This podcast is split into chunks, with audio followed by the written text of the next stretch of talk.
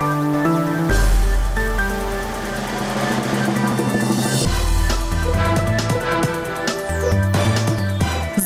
Радио Слободна Европа, програма на македонски јазик. Од студиото во Скопје, Ивана Стојкова.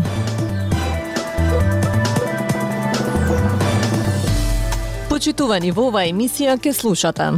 Тема на Радио Слободна Европа. Дали намалувањето на цената на струја за фирмите за основни прехранбени производи ќе ги намали цените за 10% како што очекува владата.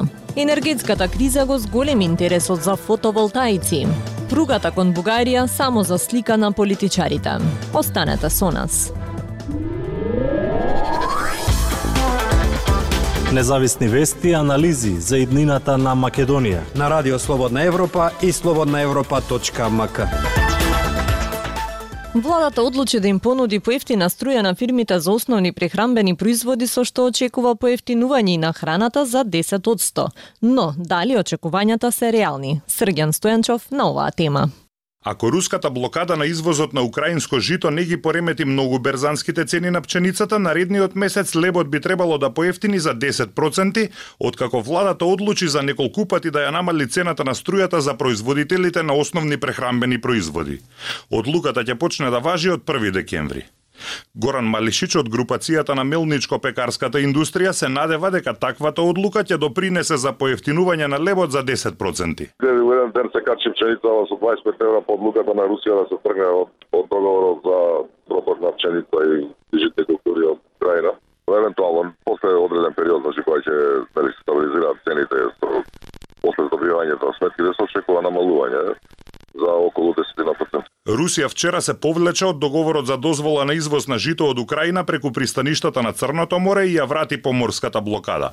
Цената на пченицата на светските берзи порасна за 6% во еден ден со оглед на тоа што Украина е еден од најголемите извозници на житни култури. Цената на лебот во изминатата година речиси се удвои.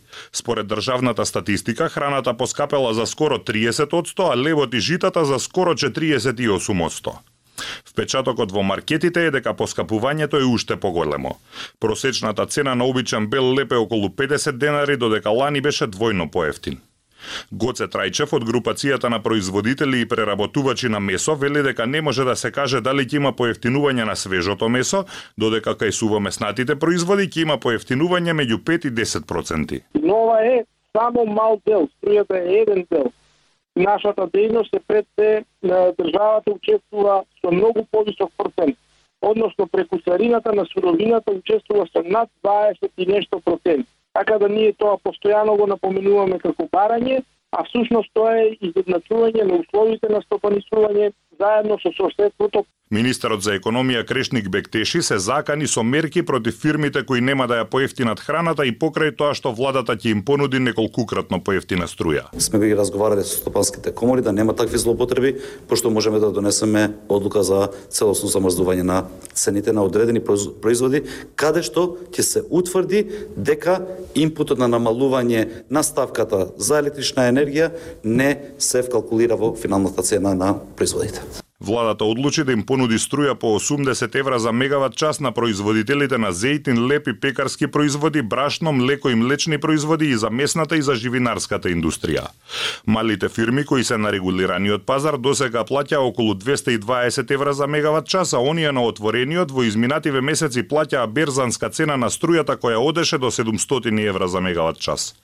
Премиерот Димитар Ковачевски рече дека очекува цената на основните производи да се намали за 10%. Слободна Европа. Следете на на Facebook, Twitter и YouTube. Расти интересот за фотоволтаиците. Во регулаторната комисија за енергетика за 9 пати е зголемена бројката на лиценци кои што ги издаваат за поставување на овие извори на енергија. Цената на продаден мегават час во просек е околу 100 евра, а колку конкретно струја ќе се произведе од нив, РКЕ ќе објави во годишниот извештај. Прилог на Марија Митевска. Македонија важи за земја на сонцето, а овој природен ресурс доби на цена како резултат на енергетската криза која погоди цела Европа. Ако во минатото регулаторната комисија за енергетика на годишно ниво издавала по максимум 20 лиценци за поставување на фотоволтаици, сега бројката е зголемена за 9 пати. Во последниот извештај на комисијата за 2021 година е наведено дека во земјата имало вкупно 220 фотонапонски електроцентрали. За прв пат кај фотонапонските електроцентрали доминира бројот на електроцентрали кои што произведената електрична енергија ја продаваат на пазарот на електрична енергија се наведува во извештајот. Фотонапонските електроцентрали лани учествувале со 3,1% во производството на струја од обновливи извори, за разлика од 2020 година, кога учеството било под 1%. Годинава, како што информираат од комисијата, се издадени околу 180 лиценци. Процедурата за издавање на една лиценца трае околу 27 дена. Од повластените производители кои го користат сонцето како ресурс најмногу струја, лани и годинава произвеле фирмите Мега Солар, Текома, Торпедо Солар ГТ, Лагово, Фец Дуброво, Еси Солар, Евросолар, Соларни македонски системи, Солар Енерджи Систем, Солар Парк Лисолај, според податоците на националниот оператор на пазар на електрична енергија МЕМО. Сите централи се со инсталирана моќност до 1 мегават. Заедно лани произвеле 13.342 мегават часови. Од продажбата на струја според преспитките на Радио Слободна Европа врз основа на просечната цена на месечно ниво, овие 10 фирми инкасирале речиси милиони 456.000 евра.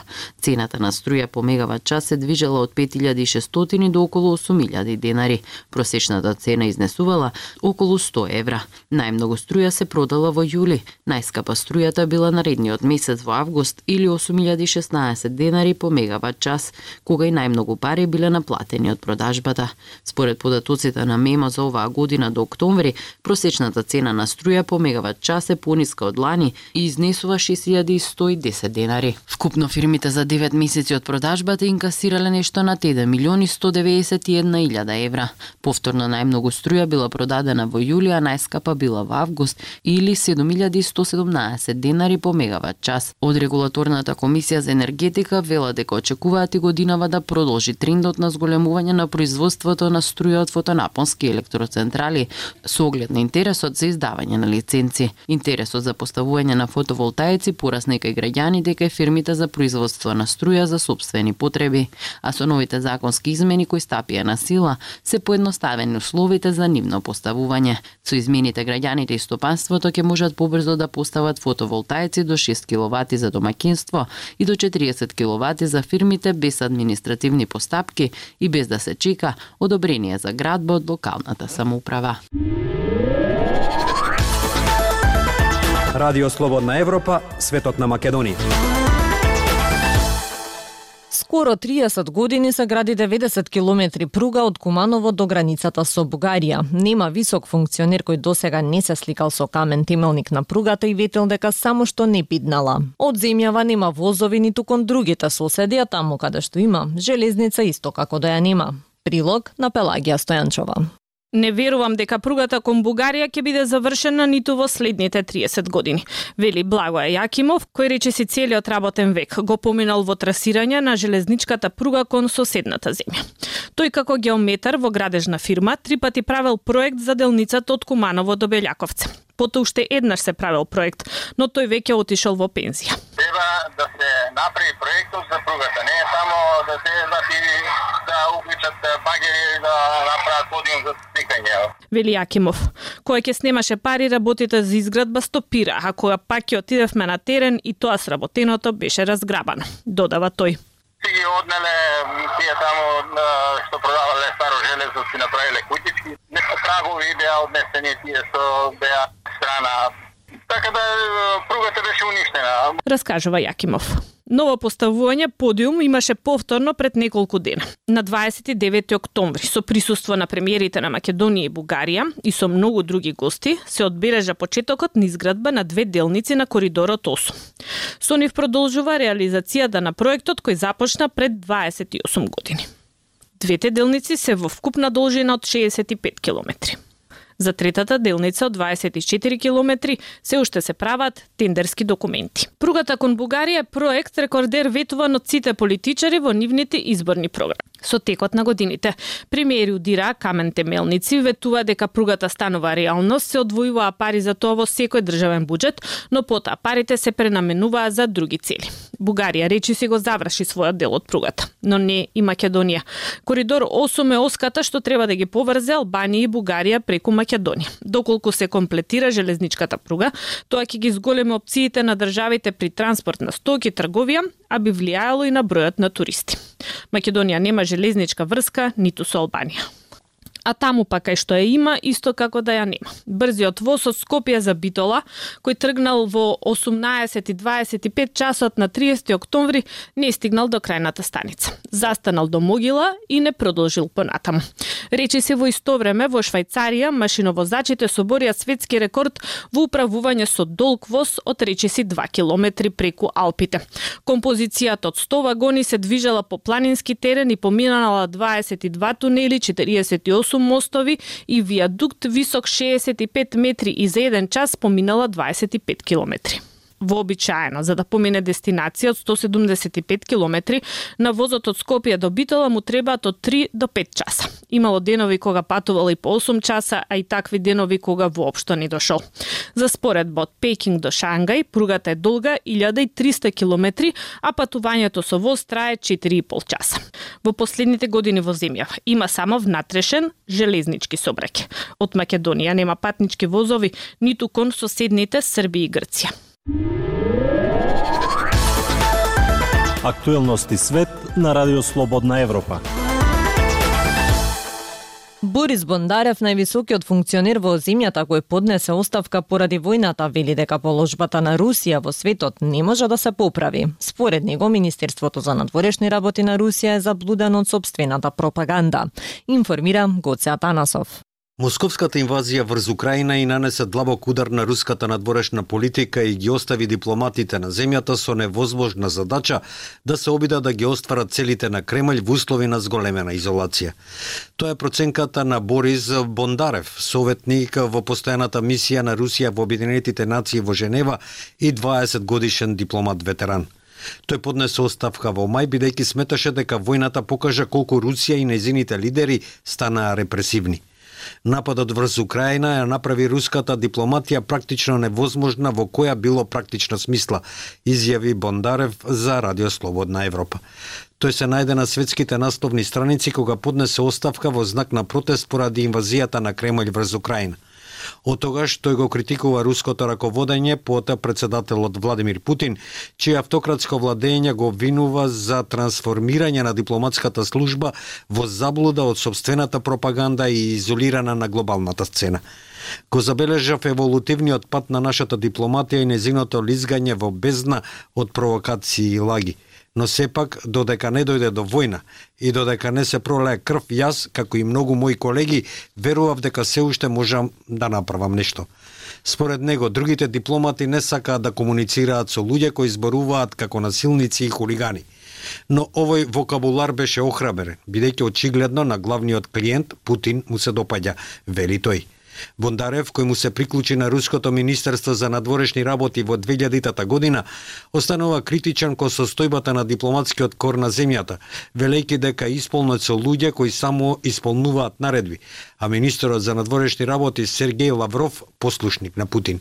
Министерството за надворешни работи се претвори во непромислено тело за каприците и инструкциите на ониот самиот врв, вели тој.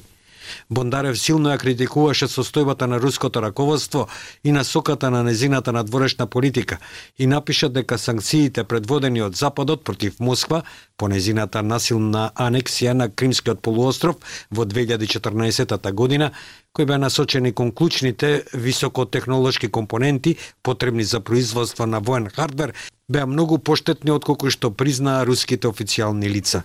Тој смета дека тие оставија руската војска постаба отколку што знаеше Западот и се една од причините поради која Русија имаше толку многу проблеми со својата инвазија. Било каков прекин на огнот во Украина, според Бондарев, само ќе му даде време на Путин да се прегрупира и повторно да се вооружи. Наместо тоа, тој вели дека само сеофатен пораз од страна на украинските сили ќе може да запре војната. Тоа беше се во вестите на Радио Слободна Европа од студиото во Скопје. Со вас беа Ивана Стојкова и Дејан Балаловски. До слушање.